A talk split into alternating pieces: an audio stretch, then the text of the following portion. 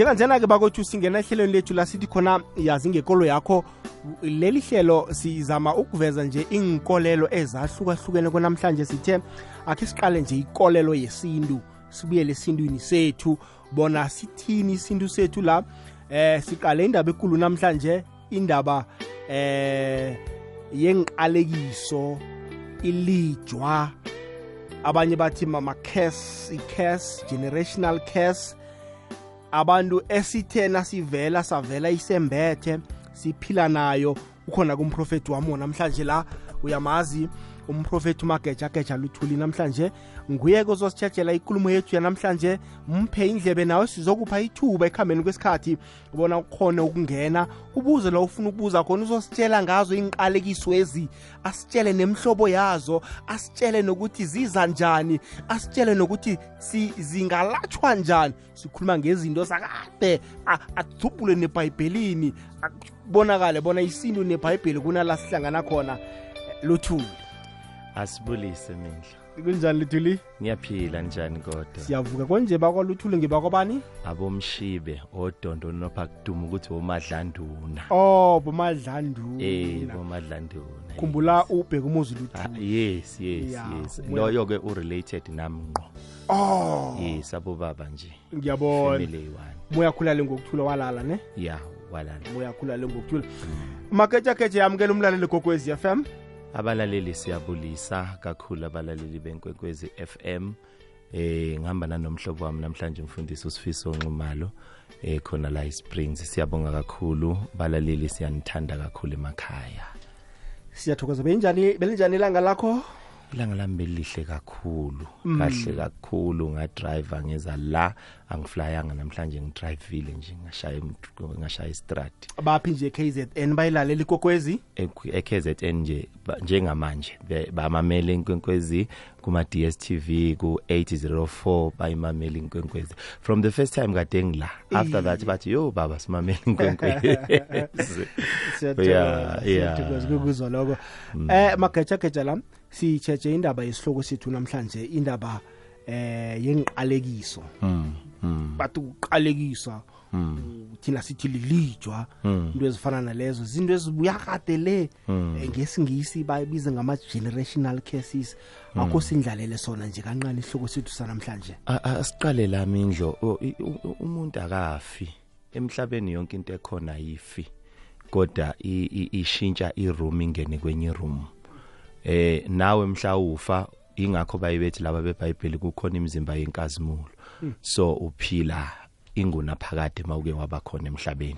So lento ekuthiwa isiqalekiso into engenzekanga kuwena. Ingakho kuthiwa it's a generational curse ge- generational curseicalekiso semndeni. Ilento evela la ozalwa khona ongazikhetheli ukuba nayo.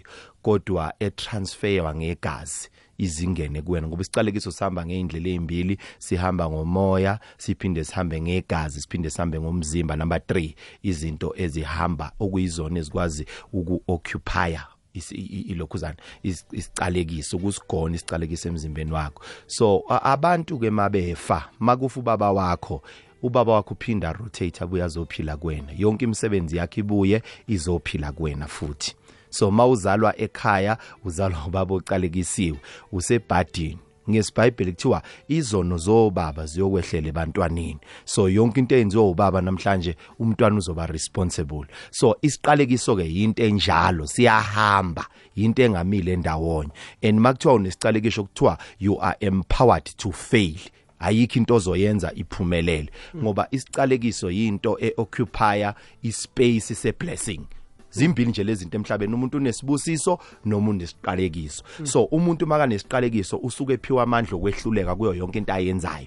Yabona? Yingakho isicalekiso siveza ngeindlela ezahlukene. Sidalwa yini isicalekiso sidalwa amagama akhulunyiwe umuntu aqalekise aqalekise ubaba wakhe imindlo anisoze naphumelela la ekhaya.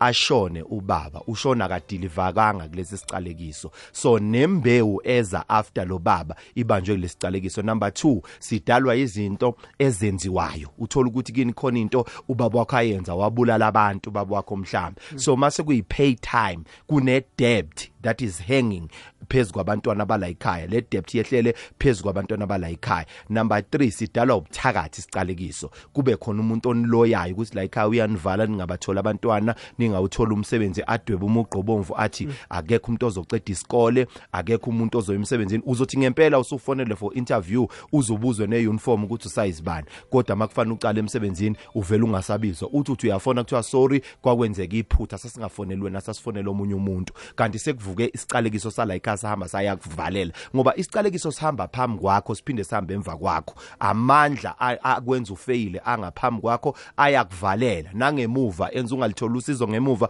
ungalithola usizo ngaphambili. So yilezi zinto eziyi3 ngiyibalayo number 1 amagama. Khumbula eBhayibhelini kunomuntu ekuthiwa uBalaam wayibhadalelwa imali ukuthi akayokhuluma isicalekiso phezulu kwaIsrael afika lo muntu athi ukhuluma isicalekiso isicalekiso safike sangasebenza ngoba uIsrael wawune protection evela kuNkulunkulu eyenza isicalekiso singasebenzi. Hayi ukuthi lo muntu wayengasikhuluma isicalekiso wayezama ukusikhuluma kodwa uNkulunkulu engene emlonyeni avela akhuluma amazwi amahle. Athi yena ucalekisa kodwa amazwi awashoyo angawakhiphi njengoba enjalo. Ngoba uma uNkulunkulu wamvumela ukuthi awakhiphe lawo mazwi ayizosebenza phezulu kwesizwe sikaNkulunkulu Israel so icase ke into enjalo iya transferwa uthola ukuthi kufa umuntu la ekhaya lo muntu uyabuya uzongena kubantu bala ekhaya. Nemisebenzi yakhe afa ayenza iya rotate nayo izongena kubantu bala ekhaya umna ngazibuza la magejageja bona umehluko phakathi kwesiqalekiso nefuzo. Kwesinye isikhathi izinto enazenzeka kimi vane ngithi mhlambe hayi ngifuze uba mkhulu wami.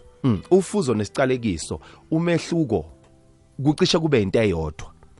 Ufuzo yinto kababa mkhulu wakhe yenzeka kuwena ngithi isicalekiso imisebenzi kababa mkhulu wakho eyehlela kuwena umehluko nje lapho ufuzo yinto eyenzeka kuwena e- ekhona la ekhaya ongeke uzuyishintshe uyabona? Angithi ufuzo la ekhaya mhlawumbe asibi nazi inwele into eyenzeka kubaba mkhulu mhlawumbe sinempandla sonke la ekhaya. Noma ungazama yipi chemical but lento lokhu ikulandele njalo bese kuthiwa Iku-DNA. ufuzo. Ye- yes ikwi DNA lento la ekhaya. Nesicalekiso ke sihlala endaweni eyodwa nofuzo. Sihlala kwi DNA yala ekhaya.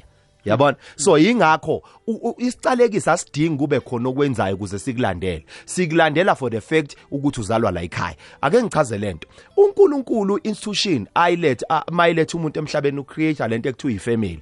Wonke umuntu okhona amindlo uzalelwe kwifamily. Yingakho namhla F umuntu akancwatshwa abantu bakubo bengekho. Manike namncwaba abantu bakubo base bayavela bakwazi nokunibopha ngoba umuntu ubelonga kwifamily. So umuntu mayezalwa noNkulunkulu ubusisa ini uthi nguNkulunkulu wemndeni ubusisa ifamily buka ukhona yini oyedosela endlini kabani? kaSaul ukuba ngimenzele umusa uNkulunkulu uyakuchecka ngokwendlu ukuthi ukuze anibusise isibusisa owner umuntu oyedwa kwifamily isibusiso kuba esani? Esefamily yingakho in every family kuba no auntie noma nomkhulu noma nogogo yedwa oloyayo uloya ifamily yonke yala ekhaya. Wenzani? Uzovala isibusiso sala endlini. Okuyisona esenza abantu ukuthi baphumelele ngoba masithi unesibusiso sithi you are empowered.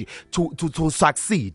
Udalelwe unikezwe amandla ukuthi impumelelo mayize kuwe futhi nawe ephumelele kanjalo ke nesicalekiso siba kanjalo. Masike sangena sinjenge overall sigqoka wonke umuntu wala ekhaya asisebenzi kumuntu oyedwa.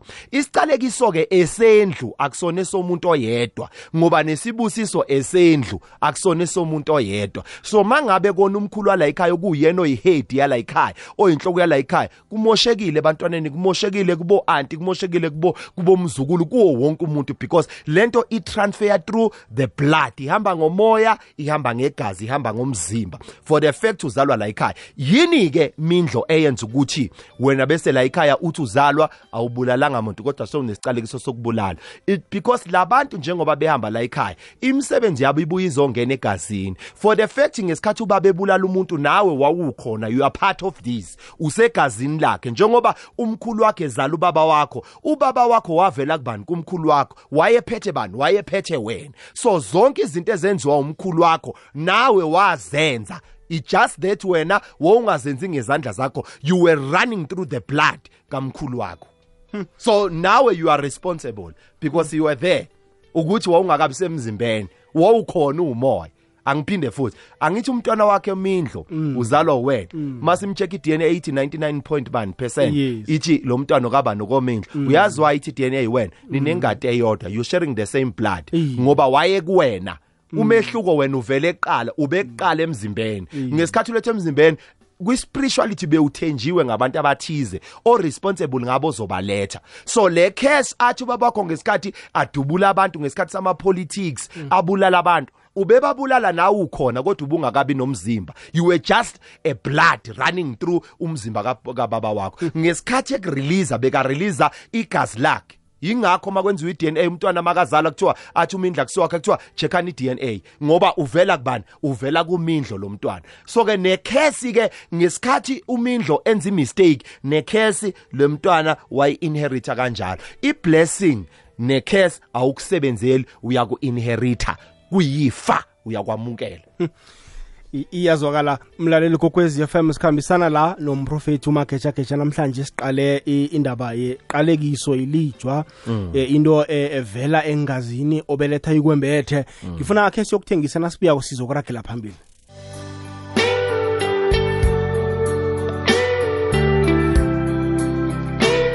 Nambala leyikokwezi FM kukhanya ba ichumi nekhomba imzuzu ngaphambi kobana kubethe isimbi ye echumi nanye. Lihlelo la yazi ngekolo yakho namhlanje sithe asitshetshe ikolo yesintu sikhambisana nomprofethi umagejageja. Sitshetshe indaba yokuqalekiswa la eh indaba ye-cas indaba eh, ye-generational cas uzithola nje into zakho azikhambeli kuhle na ukuhamba khamba eh, kunabantu nawo ongabazi benza izinto ezithize ngoba bowusengazini zabo nawe wavela ikwembethe.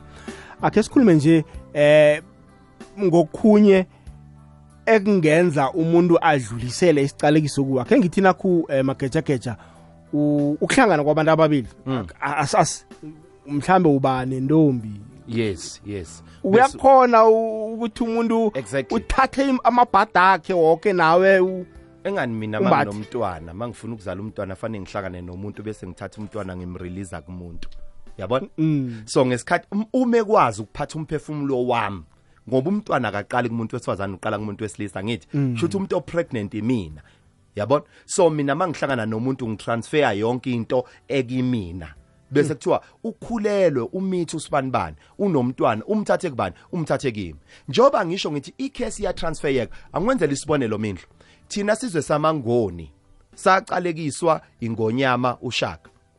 Wathi ushaka angeke nilibuse liyobushwa izinkonjane ezimhlophe ngicela ukubuza ukuthi ngempela ngempela ukunaka ukuthi umuntu omnyama once waba in power kunama cases e corruption alandelayo mm. why fanele umuntu omnyama kube nestigma esizomsusa kwipower mm. we can count people from overseas ekade benemali namhlanje they are down because umuntu omnyama akavumelekile. There is why sekune believe yokuthi umuntu omnyama akakwazi ukuba into leadership because umuntu omnyama ususwa amazwi akhulunywa ingonyama yesizwe samangoni ushaka ngesikhathi ebulawa. So ngesikhathi ebulawa igazi lakhe liwe emhlabathini kwahlala icase even the ground can contain icase. Remember noNkulunkulu nakacalekisa uAdam noEva asasingekho kodwa namhlanje siyenze njani? Sikwazi ukuinherita siyafa. Kade kungekho ukufa ngoba khona umuntu owaqalekiswa uNkulunkulu sa inherita so nenkosi ushaka even today makufanele sibuse kuvela lesicalekiso until kuze kube khona nomuntu ozosuka kukhalo lakashaka ingonyama ushaka njengoba isilo sikhona uma isizulu athi no i'm correcting this error. Uyabona? mm. Ayilungiswe lento namhlanje. So njengoba wayikhuluma kuphuma igazi fanele kube negazi elizophuma elizokhuluma against leli gazi ke manje. Kuthiwa sesiyayivala lento isizwe sesingasamangoni sesingaphinda sibuyele emandleni. Bese ingonyama ekhona isibusisa lesizwe ngoba uma ingaka remove le case sisayigcokile singabantu abamnyama. There is why we are slaves. Ubani wasenza islave? Sisagcoka icase eyakhulunywa ingonyama. And asiyinaki lento isibambile until today. There is why kunombango makubekwa ingonyama kusenombango till today. Waqala waqala esihlalweni kusahlala ingonyama ushaka. Yabulala usigojana umfowabo. Mayiceda kususa usigujana kwaba negazi elireport icase esitulweni. Yangizwa there is why amakhosi amaningi awabusa isikhathi eside. Uyazi why? Amakhosi amaningi engabusa icase yokuthi isihlalo singcolile sinegazi asigeziwe. So mayihlala ihlala phezulu kwegazi lalaba abantu abahanjiswa yilo yamuntu so icase ke uyayithola nangokulala nomuntu ocalekisiwe khona umuntu ongathi mawuhlangana naye izinto zakho zivele zimosheka ikhesi ngathi inherit abantwana bakho mabe esikolweni abantwana bakho balahla isicathulo esiyi1 abuye nesinye because imali ayihlali la ekhaya fanele ihambe ngokweBhayibheli uDeuteronomy 28 uthi isiqalekiso siyofika ngisho emkhomeni webho e- e- emkhomeni wakho oxova isinkwa. Kusho ukuthi ngisho ibhodo pheka ngalo liyaba nekhesi you know ukuthi kunamabhodwe ulithenga this week next week libhobokile ibhodo. Kanti linekhesi nebhodo. Kunamakhabethe akhandwa namhlanje kusasa even ama wardrobe but awanawo amahengli ihengli ibulawa yini? Ikhesi makuthiwa uyocalekiswa ngisho ensimini yakho ngisho la ophanda khona ofuna khona isinkwa osebenza khona uvela uzondo abasebenzi ungenze nix. Bakucambela amanga bathi sibantwana wenza ukuthi nokuthi nokuthi. Uzuyibuza ukuthi nginani nginesichitho? Awunaso isichitho? Kunekhesi yala ekhaya. Ngeke uzushade kuno anti wala ekhaya. Mhlambe kwakhuluma umkhulu wala ekhaya ecabana nen- nendodakazi yakhe wathi ngoke ngibona ukuthi uyokushade na. Anga reversewa lamazwi bachubeka abazwana ngoba isicalekiso sitravela ngamazwi sichavele travele ngegazi sitravele ngani? Ngobuthakathi ngobuthakathi bokuthengwa. La umuntu umindlu athatha isithombe sakho aye khona enyangeni abhadara imali. Athi ngicela ungenzele umindlu izinto zakhe zonke ezingasebenzi.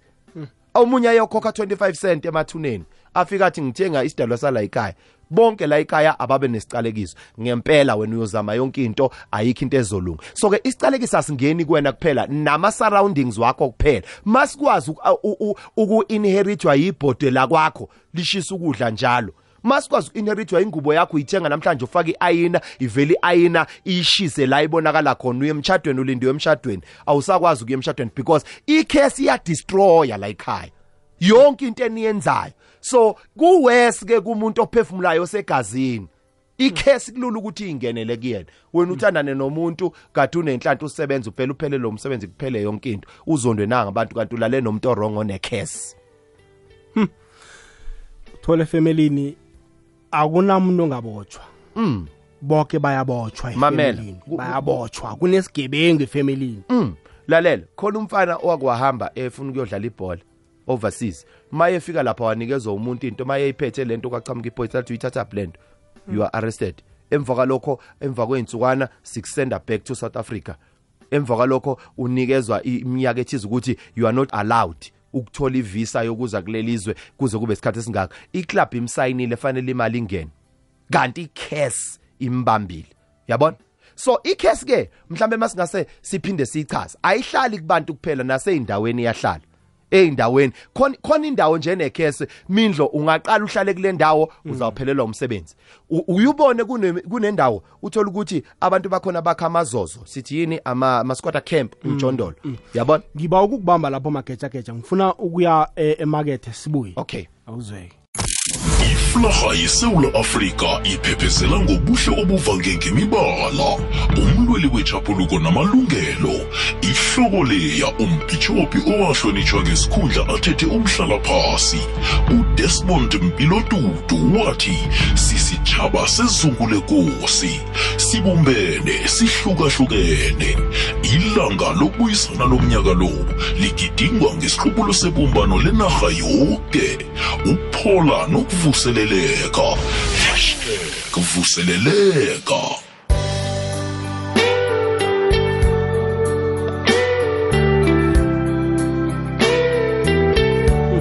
Inambala leyigogwezi FM kukhanya pha ku-90.6 ke kono 7.7 FM siyanilotshisa ke nani nisilalele ku-DSTV ku-audio book K channel number 804 siyanilotshisa ke nani esin- enisilalele online ku-www ikwekwezfm co za ku-listen live siyanilotshisa siniphakamisela isandla. Lani khona eh, kuma-frequency walk wekwekwezi FM eh siyanilotshisa 106.3 johannesburg 96.8 epitori eh nasenelspruit eh endaweni zabo 104.1 limpopo 94.5 edavula eh kwadela 91.8 emecklenburg ku-90.6 konke nje la kufika finyelela khona f FM siyanilotshisa siniphakamisela isandla. Nanike enisiqale ku-listen live namkha eh, ku-facebook video kamnandi khulu kwamambala bosenza umzekelo ngendaba Yendaba. yemkhukhu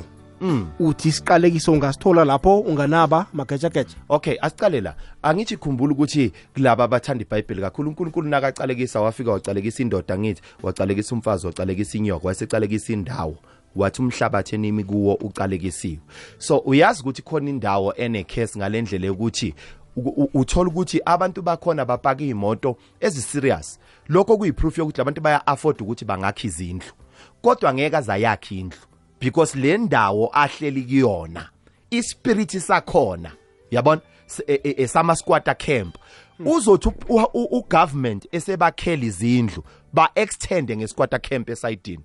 Afake nje one room yamazenke yabona? Because indawo ine case abantwana bakhona wathi 17 years ungena kuma drugs. Wathi 20 years uhlala nendoda angachadanga why? Icase yakule ndawo. Yabona? It operating through the ground. Yabona? Kunendawo uthi mawungase uqale ungene kuyo. Ngizokwenzela ibhay- i- i- isibonelo ngeBhayibheli.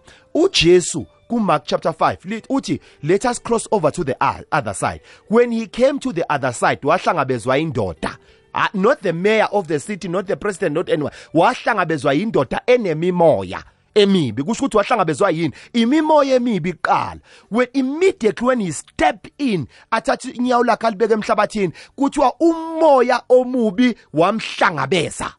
Yabona? So kunendawo enekhesi ngalendlela ukuthi mawuke waqala wangena khona uhlangabezwa umoya wakhona. Kuyothi kushadwa uzwe indoda endala yakhona the elder of the village. Ithi ah mntanami siyakubongela. Kodwa siyobonga uhlalile siyazi uyabuya mntanami. Kuphele 3 years down the line ubuyile umntwana umende uphelile. Ucedwe yini? Umkhulu akamloyi umntwana. Usene experience useyazi ukuthi there is curse kule ndawo. Yabona? There is why even the bible uzwa kuthiwa uElijah wafika kwenye indawo amanzi akhona ayebaba because there was a curse. Yabona? Mawuke wasela waphuza amanzi akuleyo ndawo you are cursed. Yonke into nayo iyaphela just disappear. Within a minute ulahlekelwa yiyo yonke into nayo because there is curse in that ground. Ya iyazwakala. Eh mlaleli kokwezi FM asingakuvaleli ngaphandle ku 0794132172 079 WhatsApp uh, voice note yethu 079 413 2172 inomboro zethu zomtato ku 086 000 3278 086 000 3278 uthole emndenini akekho umntwana onometric. Akekho. U- kwa standard 6 ama drop out bonke. And ba drop out ngendlela efanayo uba pregnant makumfana uvela hambe ekhaya ayohlala le estradini. Yabona? Lo moya wekhesi kune age ethile. Like akuyaziwa ukuthi umuntu uma ethola umsebenzi uyashona uyafa. Yabona? Umuntu make khona enye ethi uthola ukuthi kuleyo ndawo ngifuna abalaleli bayinakisise lena uthola ukuthi kuleyo ndawo abafazi bakhona bangabahlolokazi bangabafelokazi amadoda ayafa. Kwenye indawo uthola amadoda akhona crippled. Indoda nje mina ngiye ngashumayela kwenye indawo mangifika khona amadoda akhona wonke ane crippled until uNkulunkulu athi kimi there is case in this place. Yabona? Before uphilisa abantu fanele uphilisa indawo. Wonke amadoda ahamba acrippled. Yabona? Ungathi bazalwa umuntu oyedwa it a spirit salendawo babanjwe icase yakhona. So nasefamilini kunjalo isiko- isicalekiso simbamba umuntu njengenkonjane isho njalo iBhayibheli. So isicalekiso sihamba phambi kwakhe umuntu. Uthola ukuthi la ekhaya wonke umuntu um- umfazi mangabe ubhuti omncane aganiwe ubhuti omdala ulala nomfazi wakhe. Akazi. Yabona? Ithe curse lento yaqala lapha kuma root because isihlahla ama ama branches aproducer lento elapha kuma root ingakho uma destroy isihlahla fanele uyokhatha ama root awukhathi stem awukhathi ama leaves awukhathi ama branches awukhathi ama fruit because once ama root are better there is no fruit. So naso isicalekiso sicala kuma root where you come from. Sinyuke nawe. Wena ubone umntana akaphasa kahle kamnandi. Athi makafika standard 6 avela phazanyiswa yiboyfriend ngeke asicede isikole. Is not a boyfriend ispirit esivukile. Uthola ukuthi la ekhaya wonke umuntu uzalela la ekhaya akekho oshadayo. Make yathi indoda isizomlobola bavele bacabana ithatha imali yolobola kwenye indawo. Azathi yena amadoda ayizintsha akuwona amadoda it a curse that is operating la kwifamily yakhe. Kubhlungu-ke magejageja ngoba uthola wena awazi. Awazi yes. Abanikazi bayo indaba le abafuni ukuyilungisa. Abafuni ukuyilungisa yes. Sebabakhulu abanye bakhamba bayichiya injalo bayichiya nani lutsha? Nizoyithini nina? Iyalungiseka ikhesi angithi ngithe mina labantu abenza umonakalo abafanga baphila la kuwena. Angithi usengaphinda futhi wena wenza izinto zibe right. Ngizokwenzela isibonelo. uAbraham wayenekhesi acabana nomfo wabo wazala uIsaac noIsaac wacabana nomfowabo. Buka uIsaac ucabane nomfana wabo nomfowabo bena 1 year babangana abantwana amana 1 year uyabona? Akucabana abantwana ispirit that is operating in the family. uIsaac wazala ubani? Wazala uJacob noEsau uJacob noEsau bacabana baseseswini kuRebecca babanga ukuphuma nomunye ufuna ukuphuma cala nomunye. Bacabana la eswini uthe mase bakhulile lo wantshontsha isibuso somfowabo. Icala eplant uAbraham uphumile kubo. Maye ephuma kubo uLothi wamtshontshela so saqala ispirit saqala. uAbraham wehlela eGibhithe waphika unkosikazi wakhe wathi akuyena unkosikazi wakhe. noIsaac wenza the very same thing. So nangilo sekaye correct uJacob njengamanje. Uthi enough is enough. Ubambana nomuntu. Masiyichaza in a deeper language makuthiwa umuntu abantu abaphuma ebusuku oba nama ancestors so kusho ukuthi this thing was corrected through ancestors because is a ancestral spirit. Ubanjwe icase ephila kuma ancestors so lithi wabambana nomuntu wamlimaza wazwashintsha ukuhamba kwakhe. Wayesethi angiyukukuyeka unless you bless me because where i come from i'm cursed. I need to change a curse to a blessing. Wamblessa ngempela. Then yaqala yashintsha lento njengamanje. Ishintshwa umuntu engenzakalanga kuyena ngoba umzimba wakhe ucontainer ama spirit abo bonke labantu uthe mayayilungisa kwaqala igeneration entsha eblessed. So iyalungiseka lento ngifuna sinikele umlaleli kokwez FM ithuba naye ngaphambi kobana sikhulume bona ilungise kanjani ilungise kanjani yes. ya sonke siyafuna ukwazi bakwethu baningi abantu ababam- ebabambile linto omunye bekangazi kodwa nakasizwa sikhuluma nje yamfikela into leyo bona lento eyenzeke ekhaya nangale kwasongwana kwasohulu kwasorhulu iyenzeka. Into ezingathi ziyafana nje uthole ukuthi ukhokho wabo munye. Sizokubuya nokuthi ilungiswa njani lindaba u-086 0003278 086 0003278 ungasithumela ne-whatsapp voice note mlaleli. Le ikwekwezi lotshani Ani njani? sikhona kunjani baba Ah, ubheno sebamelodi. siyakuzwa baba emambileyodi yebo lotsha okay ikwekwezi lotshani Yebo njani? sikhona kunjani baba Ngiyaphila. mm Eh ngimhloka igama. mm Eh ngiyasiza isihloko sanamuhla esingithinda ngaphakathi yo. ya Ya nami ngingilo muntu lo man. Eish izinto zami azilungi nje. Ukuthi kwenzakalani ngempilo yami? Nami angifuni ukuzwisisa nje. mm Eh ngisho konke nasemberegweni nje ngimuntu o okay u- uza kubuya ubaba ukhulumile nokho izwakele. Kokwezi lelo tshani kokwezi kunjani baba? Khona kunjani mkhathi siyathokoza. Um mkhathi ngiyazizwa isihloko sakho. Mm eyi nathi singabanga into ezinto ezingalungi. Le nto leyo inokusila eyi mm um mkhathi mkhathi- mkhathi mani ngisacela ukubuza rama mm bengisacela ukuthi nethi asikisi ngathenya kancane ngikhume esihlokweni. Bengisabawa iinambara zakamkhulu lezi zangilahlekela mhlophe. Okay baba sizokunikela ulalela umrhatsho ne ya uzibizele uzibizele phasi ukhambe nazo kamnani yabo. Alright baba siyathokoza kuza kuba njalo. Sokwazi mkhathi. awusithokoza kokwezi lotshani? Indlela lotshani?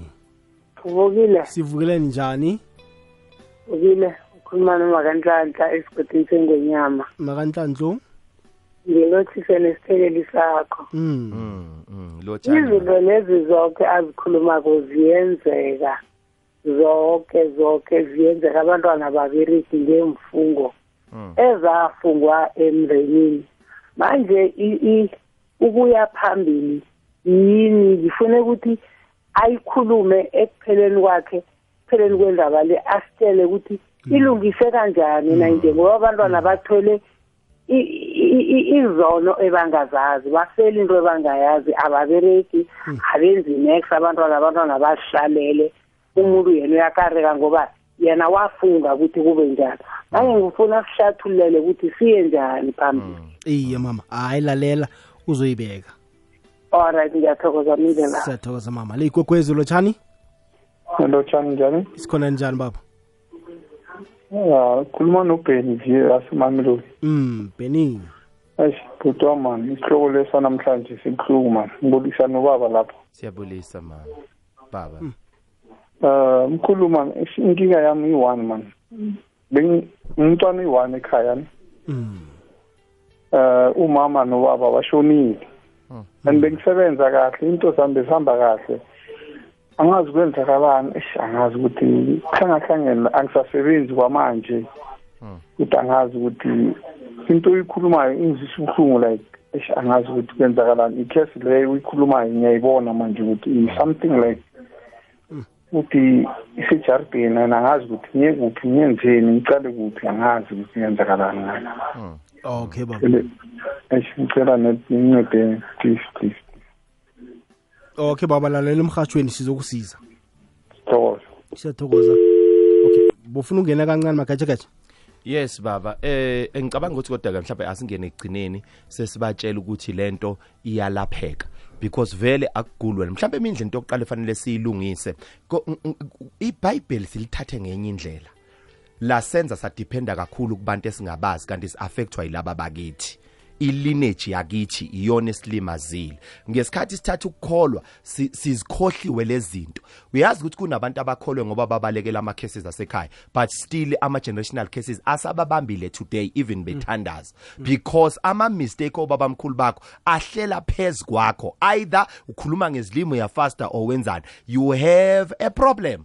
Yabona? Ngeke futhi isolve ukuthi wena uthi awusakholelwa ukuthi amadlozi akini akhona aya exista these people they are in your blood. Baphila la ngaphakathi kuwena ubuya kubo nawe usazorelease abanye abantu ababuya kubona ngoba niya rotate le mikhuba yabo ilokhu iyenzeka la kuwena. Yingakho nasenkonzweni uthandazela uyoze ublame umfundisi. Uthi mina umfundisi uyangithandazela izinto ziyenzeka kwabanye kodwa kimi akwenzeki. Kanti inkinga fanele kulashwe lo yamkhulu akuwena ogulayo. Kugula lo yakhokho wakho. Yingakho kungabereki umuntu la ekhaya. Ngiyazwakala khe sizwe la msinyazana umlaleli. Lotshani. Kwikwekwezi FM. Eh ngicela ukubuza mindlelafu.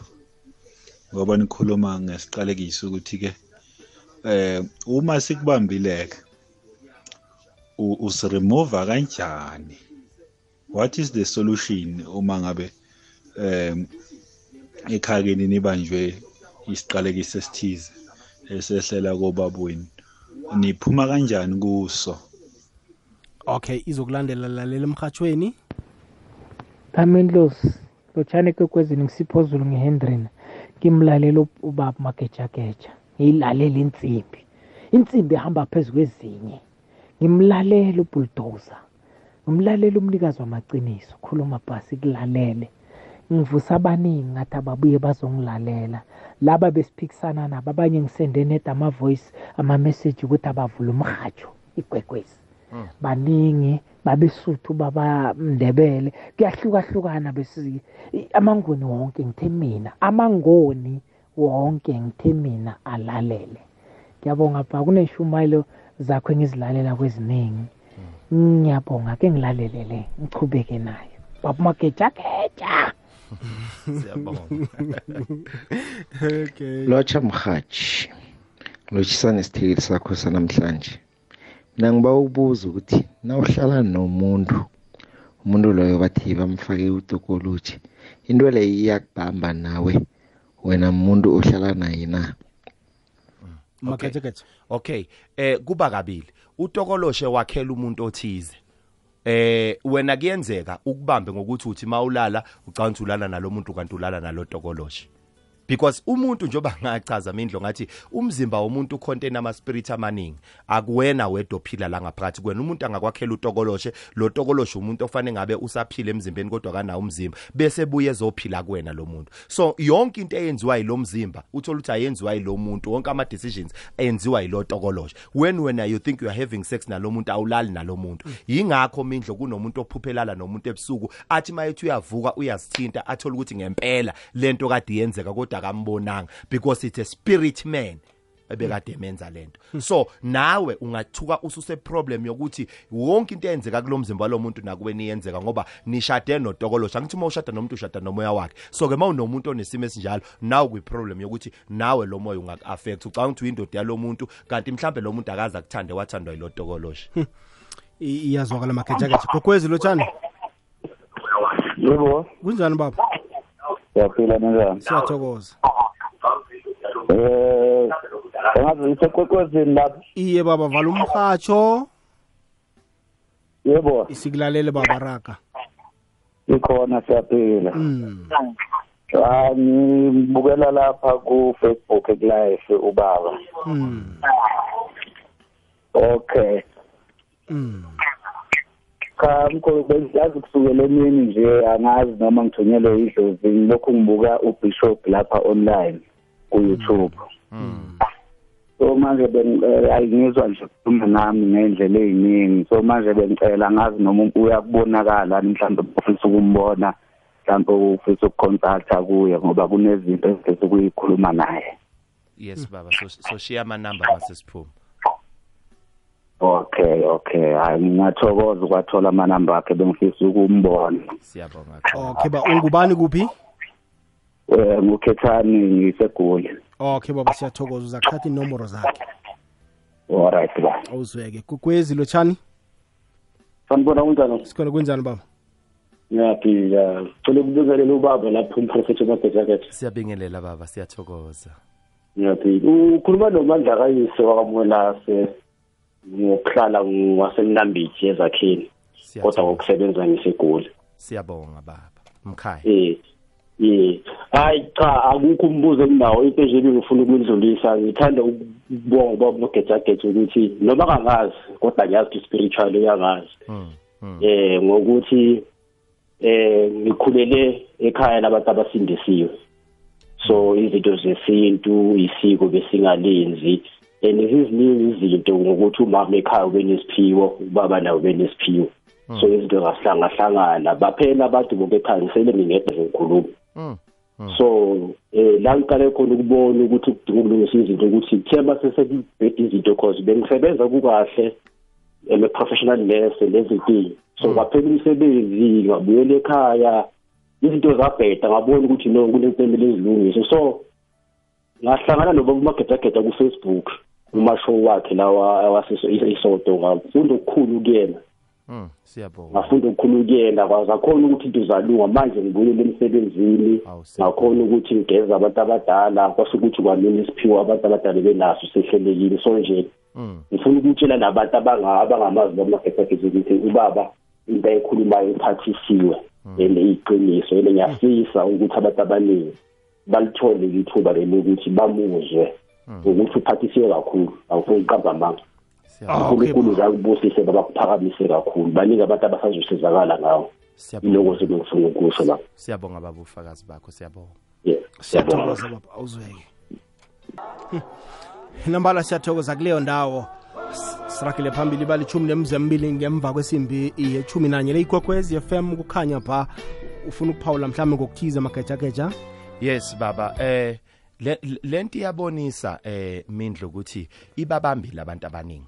Njoba ngishilo ngifuna ukuyicacisa futhi lento ukuthi uyakholwa kusho ukuthi igazi lakini alisekho kuwena. Yingakho uzothi ukholwa uzogcina uyisigebengu. Ah, let me make an example. Mina ngangisindisiwe yabona but ah mantombazana oh. mindlo ngisindisiwe. Uyazi ukuthi ngiwabamba kanjani? Ngiwabamba azishelela wona amantombazana because i- i- ikhesi iyimagnet iya attract so azishelela wona amantombazana mangithi ngiyalandela ubaba wami uthanda amantombazana umkhulu wami bekanabafazi. Umkhulu kamkhulu wami ukhokho wami bekanabafazi. Ubhuti wami unabafazi. Yabo? Ubaba wami wadivorce. Nami ngadivorce. Ubhuti wami omdala wadivorce eyala ikhaya lento but ngumfundisi njalo. Yabona? Labantu abageziwe. Yabona? Lento ifana nani? Umuntu mayifela estradini nenze njani? Niyamlanda nimgeze. Mani ngakwenzanga lokho wenze njani? Uyabuya abantu bala ekhaya abacede pfu, estradini. So lento yesicalekiso ibanjwe abantu abangasekho. Abahambile. Masithi abangasekho sithi bakhona kumoya basemzimbeni yethu sebevela ngathi manje. Yabona into leyo. So ukuthi uyakholwa uthi hayi i have amandla ani ani ani ani." no no no no. Ukhumbula ukuthi before usindiswe unegazi labantu bakini you have a family. Namhla ungcwatshi uyongcotshwa kule family. Kusho ukuthini? Umuntu ufike naked ambathiswe ifamily yonke into yakho ofika nayo eyala kule family. So lento idlala ngabantu abaningi abasemasontweni kakhulu. Abantu abaningi ababanjwe isicalekisa abantu abasemasontweni because bathi no igazi lika Jesu lenze yonke into. Igazi lika Jesu likulaphile kumoya kodwa igazi wakalithuli uzalwa la ekhaya kalithuli. So izinto zegazi lakalithuli ziyakubamba nawe. Fanele ube nendlela yokucorrect izinto zegazi lakalithuli. Ngoba uthi uJesu nibesabelana ababulala inyama bengawubulala umoya. Kusho ukuthi khona abantu abasenyameni abakazi ukudila nenyama kuphela. Yena udila nomoya kuphela. Musu ukuzihlanganisa lezi zinto ziseparate. Yabo? So uma abantu bakini bebengenamali besemzimbeni angenza isibonelo. Nanga umindlo uzalwa la kurich khona. Umindla angasicedi isikole kodwa umindla bene connection acala amabhizinisi abe right financial. Yindaba. Umsamo wakamindlo u right ama ancestors akamindlo ayayazi imali. La akamindlo mawukuthi umindlu uyahlupheka kwenzakalani? Avalwa khona umuntu owahlakanipha wavala ama ancestors wafaka icase la ekhaya. Yingakho kune line esingayijumpi la ekhaya yokuthi no noma ungabereka amindlo kodwa imali ngeke uyiphathe ngesandla. Uyabona? Mawukule case yendawo la wakhe khona amindlo uyothi mawakhe indlu kuyothi mase kufanele kufakwe iroof kuvele kuphela umsebenzi. Oma kufaka iroof ashone lo osebenzayo. Indlu ibole iphele izimile iz- am- i- i- imi- ibe nerust imile yonke into imile yo- abotshani ngaphakathi. Why? Iproblem icase iyona evimbayo ethi ayikho into enhle ezokwenzeka la ekhaya mina. I- iyazwakala magejageja. Khe siphe umlaleli ithuba. Eh lochani lochani emhathweni. Mindlo love nesithekeli sakho. Eh naze nasithusa mani ebusuku. Alright mindlo love nguJosepha, nguJosepha la esiyabuswa. Ngise Witbank ngokombereko. Mina nginombuzo la, ngicela ukubuza lapho ku- kumagejageja ukuthi okay asithi nako i- i case leyo mhlawumbe ikhona emndenini or ikomunye wethu or ikimi. So ngingayibona njani ukuthi manje le ngiyo? and then sele ngiyibonile ukuthi ngiyo nanoma ngakayiboni kuhle ngingancedakala njani? Ngingenzani ukuthi isuke isuke nje sisibuyele sibe sesimeni e- esiright mhlawumbe ukuze into zethu zikhanye ukuthi siphumelele nathi njengabanye abantu emhlabeni. Ya eh ngiyabonga ngiyabonga lapha emhathweni ngujoseph siyabusa siyathokoza josepha sizokuza la sithi khona singalapha njani isiqalekiso ekwekwezini lotshani imindlo lapha kuhlwile. Ukhuluma nohweni kahlahlanyela ngomzimba ngemlodo. Mm.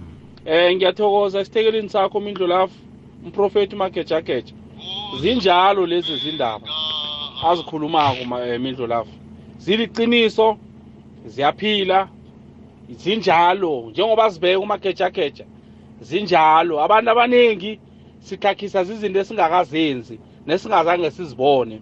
Mara esizinumatha ngokuthi sibelethwa kulelo gazi. Zinjalo ngiyavuma. Makechakecha mprofeti uthunyiwe wena khehla. Siyathokoza kuleyo ndawo. Khe sizwe la umlaleli godu. Akwandi mhatshe eh ngithanda ukulotshisa umfundisi umagejageja locha ngilotshise nabalaleli. Eh ngiyamuzwa baba umfundisi kodwana kunento engithwenyako mina. Eh siyaya mina ngikhulela kakhulu esintwini. Ya ngikhulela kakhulu esintwini kodwa kunento engithwenyako ukuthi siyaxhaga mara kuthiwa khona abasiphetheko esikhamba nabo abomkhulu nabogogo manje sihlaga njani bakhona cause yibo phela abasibhekile sikhamba nabo. So eish. Ngibawa angihlahlule lapho ukuthi umuntu uhlaga njani kodwa nabantu bekhaba bambhekileko. Sengitsho ukuthi bambhekile la akuhamba khona yoke into bakubhekile bakuvikela. Abantu bekheni okhokho nokhokho omkhulu nabogogo. So udla kanjani? Ukuthi ngaba yikhesi leyo. Ngiyathokoza mhatsho mbongiseni ngapha ngejimestini siyathokoza magejageja ngifuna khe singeneke ephuzwini eh elithi ikhesi le isiqalekiso silatshwa njani umlaleli uyamuzwa uthini uthi ngi- nginabo bakwethu nginawo amadlozi wekhethu Mm. kodwana ngisa- ngiyatlhaga Mm. ngitlhaga njani bona bakhona okay Mageja-geja. okok- o- okokuqala ngabuza umbuzo ngithi uhlupheka kanjani uNkulunkulu ekhona that's the first question. Because uNkulunkulu ukhulula abantu khona. Okay amaphutha enzekala emzimbeni alungiswe emzimbeni. E- uyabona iadvantage yokuba nomzimba? Mindlo eyokuthi uwena ophethe isikhiye sokulungiswa kwamaphutha. La bese behambile kunezinto abazenza la bangazazi ukuthi amaphutha. Kodwa mabefika ngale babona ukuthi amaphutha. Ngikwenzela example sithi isicebi uJesu mayenza umzekeliso. Sithi isicebi ngicela uLazarus ayongitshela abafowethu ukuthi bangazenzi izinto engizenzile. Ngoba angifuni beze la ngikhona. Ngesikhathi esela ubengaboni ukuthi mistake angithi. But usengale useyabona. But ayisekho into angayenza. Abantu esebengamsiza wobani? Abafowabo. Yingakho ethi ngicela kuyi- kuyiwe kwifamily yami kuyocorrectwa lama mistakes engawenza mina ngisesemzimbeni. Ngenze example yesibili. Why uNkulunkulu angayisolvanga issue yokusindisa abantu ngale kodwa azaletha uJesu emzimbeni konakala emzimbeni? Fanele kuzokwenziwa njani? Kuzolungiswa emzimbeni. Okay number 1 kunento ekuthiwa it spoken case kunamazwi akhulunyiwe la ekhaya. Uyabona? Akhulunywa ubani? Umuntu esemzimbeni. Fana uthola umuntu yilana kusuthola khona a spiritual help ngoba amagama akekho tangible amagama spiritual. Usuthola a spiritual help ehambisana ne spiritual training. Usufundiswa ukuminda ilanguage yakho ngoba ikhesi attractwa enye indlela abantu abakhuluma ngakhona. Kunomuntu enize nimncome nithi make wakhuluma nje wathi ulibambe lingashoni ngempela uzolala ushonile. Loyo muntu ikhesi yakhe usebenzisa amazwi omlomo uyadala because when you speak you are in a court of law.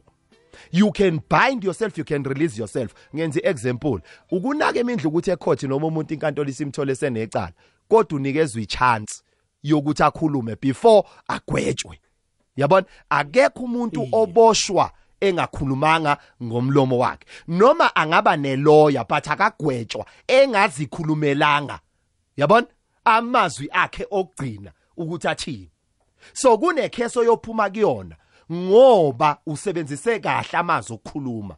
And awusheshi ukubheka ama result because in the spirituality when you speak uya deposita uyabona? I-withdrawal kuyenzeka udeposite namhlanje imali inga reflect kwi system izivele after 2 days.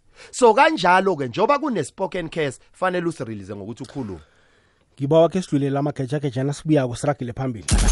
Umoya kadisemba ufikile. Zilungiselele ukukhetha ingoma ephambili eyokudabula umnyaka kukokwezi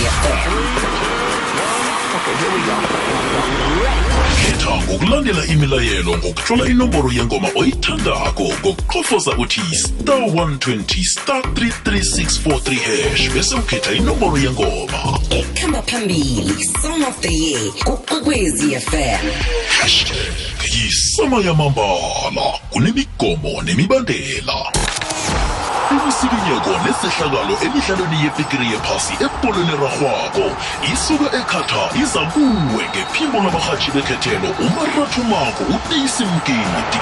France ngoshono shinga kweargentina kwe-argentina. Lionel messi versus antonio griezmann. Akufinal. Uthabi mabhena iyagidinga i-argentina ithi sangena ngaphakathi kwefinale emdlalweni webhigiri yephasi nehlaziyo ngelihlo nephimbo likagamela thombeni. Fanele uzikhakhazise na umuntu wemorocco. Idlale kuhle imorocco mlaleli. Ibe namathuba lawo ukuthi benga bangayihlekelele ekulu. Midlalo yefifa world cup eqatar kukwekwezi fm kukhanya ba. Sizoyivala mlaleli kokwezi FM emzuzwini elikhomba siyayivala sinomprofeti amla umagejageja. Amagejageja siphezu kwendaba eh yokuthi ke i- isiqalekiso esisilatshwa njani? Wosakhuluma eh, okwakhona akhe akhe ngiveze 92 ikulume esi- esiyicocako nakudlala i- ipromo nje indaba yoku- yomlomo. Yomlomo. umlomo uyaloya. Ukuthi Umlomo. wazi ukuthi nje unonkulunkulu ngani? Wavuma ngomlomo enkonzweni angithi azange ubone uNkulunkulu athi galakaqa ngaphakathi kwena. Then namhlanje uyaconfess ukuthi unonkulunkulu. So amazwi wakhulumayo aspiritual. Ayakwazi ukuyodila alwe necase bese kufika ke isigaba la uthola ukuthi spiritually vele ngoba kunama dimension wena ungaphansi. Lesi sicalekiso sakhulunywa umuntu onamandla ezweni lakomoya. Usuthola ke umuntu ongumfundisi wakho yabona O- o- ozokhuluma phezukwakho remember uRuben was cursed ebu- e- eqalekiswe ubaba wakho omzalayo. Wathi Ruben you shall not excel. Kwafika uMoses a spiritual father wathi Ruben you shall live you shall not die.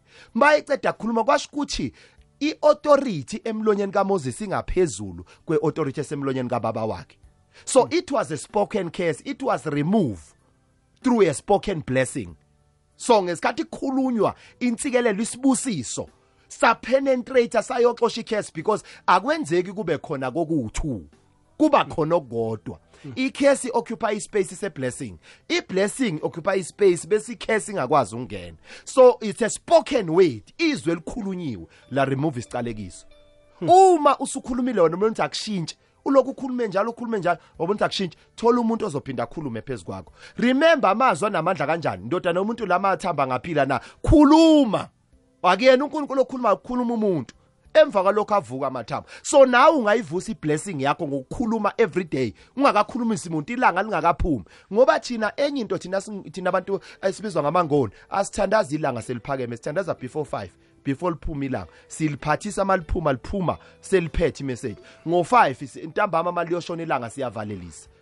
Siyo siyabonga. Lento ekade siyicela imini yonke siyabonga. Liyahamba liyo reporta kobaba mkhulu inyanga mayiphuma sesiyazi ukuthi malishona ilanga kuphuma idalwa zakithi aziphume ziphethe imessage ilanga elithe malisithela langena nayo. So okokucala uyakhuluma ngomlomo ukuthi icase may remove. Uthole nomuntu onamandla. You find a spiritual help because icase spiritual imova kuma spiritual dimension. So thola umuntu ke osezokhuluma a remove icase. Number 2 akube ne ritual ethile because enye icase yalethwa ngesubstance there must be a substance. Ngenza isibonelo. uNkulunkulu mayizosusa icase phezukwabantu uthini? Ulethe umhlatshelo ngoJesu kulabo abakholelwe eBhayibhelini. Ne? Number 2 uNkulunkulu mayizosiza uGideon. Uthe sekhulumile uGideon uGideon besethi ngicela uthathe inkomo eneminyaka emingaka uyislotharishe ubuse ubulala ialtar kababa wakho ngoba yimbi namakhesi. Inesicalekiso mawuceda kuyibulala iyahlanjululwa through the blood through the ritual.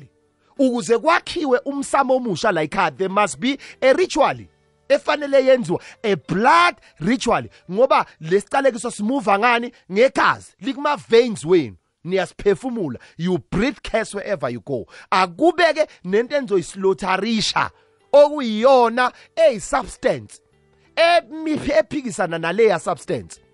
Number 3 ubuthakathi bokuthengwa. Yingesikhathi la umuntu athatha impahla zakho ayokuloya.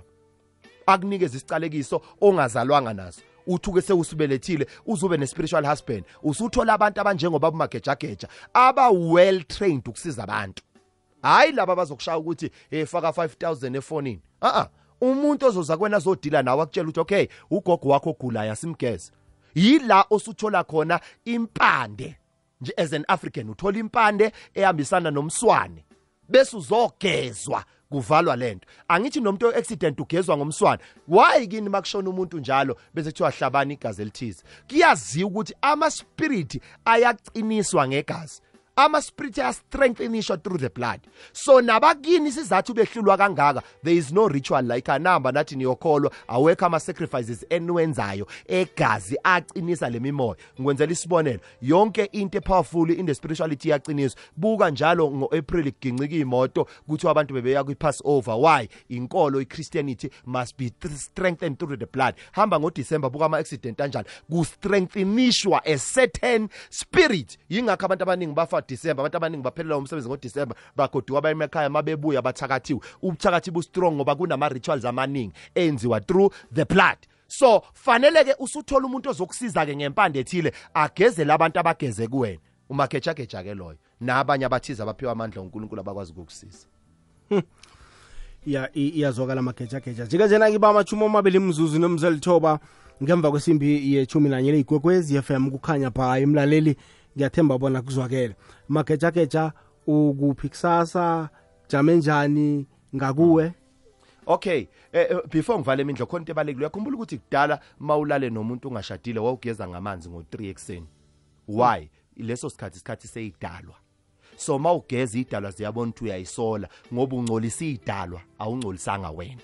So nekhesi ke ikhona iritual ungayenza intathakusa. Yijwayele lento yokugeza intathakusa ngoba ngesikhathi ugeza wena kugeza idalwa ngaphathi ugeza ngamanzi abandayo hayi ashisayo bakithi. Okay ngilapha enumber 285 ku Back Street epeter marisburg kwaZulu Natal bakithi ngikhona. La kamhlanga ngizoba khona kunendawo yami lapha kamhlanga e- e- e- ezone zone 10 yes? Um eh, stand number 10 zone 2 zone 2 ku stand number 1075 ngizobe ngikhona ngomhla ka-14 January. Ngizobe kuyi Saturday ngizobe ngikhona lapha emhlanga. Bazowathola ama details kodwa ama poster azophuma abantu bazongithola. Eh bese kuthi ngomgqibelo ngikhona futhi eMaritzburg i1 on 1 especial. Abantu bangashayela inombolo u067 287 4180 ngicela ukuyiphinda khona ubaba othe singasheshisi imindla ithi 067 287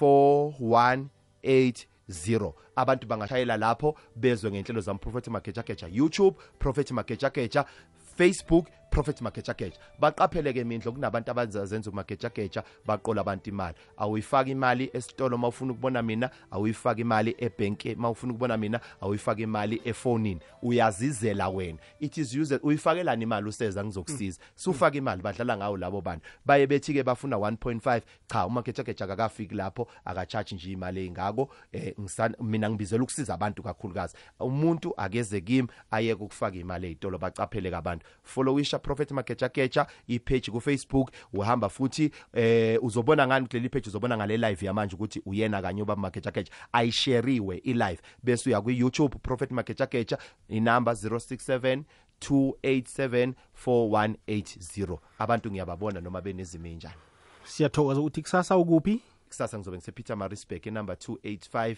Back Street B E R G. La engitholakala khona zonke izinsuku njalo Sakubani? ngamasonto.